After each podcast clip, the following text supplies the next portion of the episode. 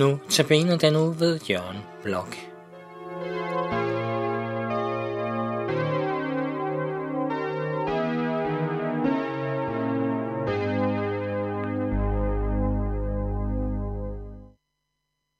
Jeg vil også i dag begynde med at læse teksten fra Johannes evangeliet kapitel 8, hvor der står, Ved daggry var Jesus igen på tempelpladsen. Hele folket kom hen til ham, og han satte sig ned og underviste dem. Men så kommer de skriftklogere og farisæerne med en kvinde, der var grebet i ægteskabsbrud. De stiller hende foran ham og siger til ham, Mester, denne kvinde er grebet på færre skærning i ægteskabsbrud, og i loven har Moses påbudt os at stene den slags kvinder. Hvad siger du? Det sagde de for at sætte ham på prøve, så de kunne anklage ham. Men Jesus bøjede sig ned og gav sig til at skrive på jorden med fingeren. Da de blev ved med at spørge ham, rettede han sig op og sagde til dem, Den af jer, der er uden synd, skal kaste den første sten på hende. Og han bøjede sig igen ned og skrev på jorden. Da de hørte det, gik de væk en efter en, de ældste først. Og Jesus blev alene tilbage med kvinden, som stod foran ham. Jesus rettede sig op og sagde til hende, Kvinde, hvor blev de af? Var der ingen, der fordømte dig? Hun svarede, nej, herre, ingen.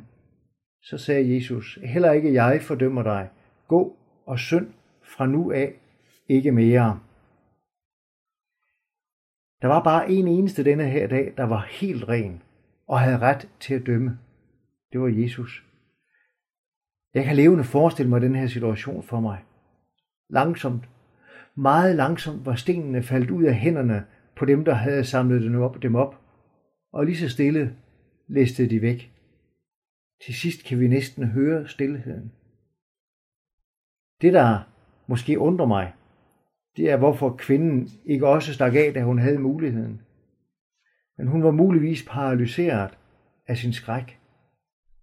Og da Jesus så retter sig op og ser på hende og spørger hende, om der jo ikke var nogen, der fordømte hende, og hun siger nej, så siger han til hende, jeg fordømmer dig heller ikke.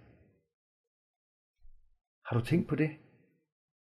Han siger ikke til hende, som han sagde så mange andre gange, din tro har frelst dig. Og han siger heller ikke til hende, gå bort med fred.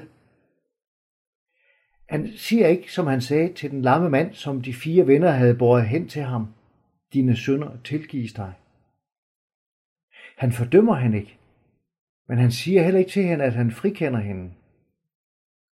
Han sætter hende i valget. Ja, det han siger til hende er nærmest, fat et andet sind, tag imod forløsningen. Jeg fordømmer dig ikke. Du må få lov at være hos mig. Det eneste vi ved om den her kvinde her er, at hun blev grebet på færre skærning i utugt.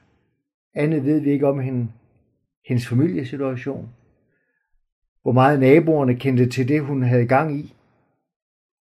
Men hvorfor siger Jesus så ikke til hende direkte, din søn er dig forladt? Jeg tror, vi finder forklaringen i, at skal vores synd tilgives, så kræver det to ting af os. For det første, så må jeg erkende, at det er synd. Kvinden her var ikke kommet til Jesus, fordi hun havde erkendt, at det hun gjorde var forkert. Dernæst, så må vi tage imod tilgivelsen. Og vi kan ikke tage imod tilgivelsen, hvis ikke vi erkender, at vi har brug for den. Jesus stiller kvinden over for denne her situation her. Siger til hende, du har brug for tilgivelse. Vil du tage imod den? Jesus er den eneste, der ved, hvordan kvinden her reagerede. Nej, Jesus taler ikke til kvinden om, at hun skulle leve syndfrit. Men han taler til hende om, at vi ikke kan vælge et liv, hvor vi lever med accept af synden og alt det, der er forkert i vores liv.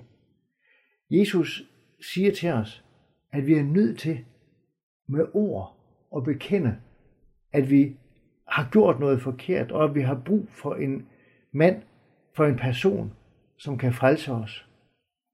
Hvad kvinden vælger, ja det ved vi ikke. Beretningen fortæller os det ikke. Vi ved ikke, om det her fik nogen forskel for det liv, hun vendte tilbage til.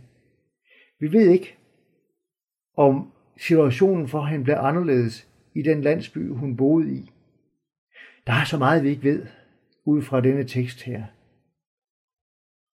Men øh, vi ved, hvordan det står til hos os selv. Vi ved, om vi har erkendt, at vi har brug for Jesus.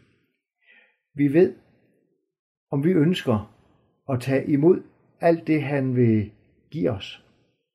Gud ønsker at komme ind i vores liv. Gud ønsker virkelig at få lov at sige til os, din synd er der tilgivet. Men vil vi give ham lov til at sige sådan til os? Alt for ofte stopper vores interesse her. Men hvordan var det forresten med de ledende jøder? De havde jo erkendt, at de havde brug for Jesus. Men de var lige så stille gået bort. De var lige så stille smuttet hjem. Hvad en betydning det fik for dem, det ved vi heller ikke. Men du ved, hvilken betydning Jesu ord får for dig. Må det få den betydning, at du tager imod hans tilgivelse, at du erkender, at du har brug for ham, også i dag.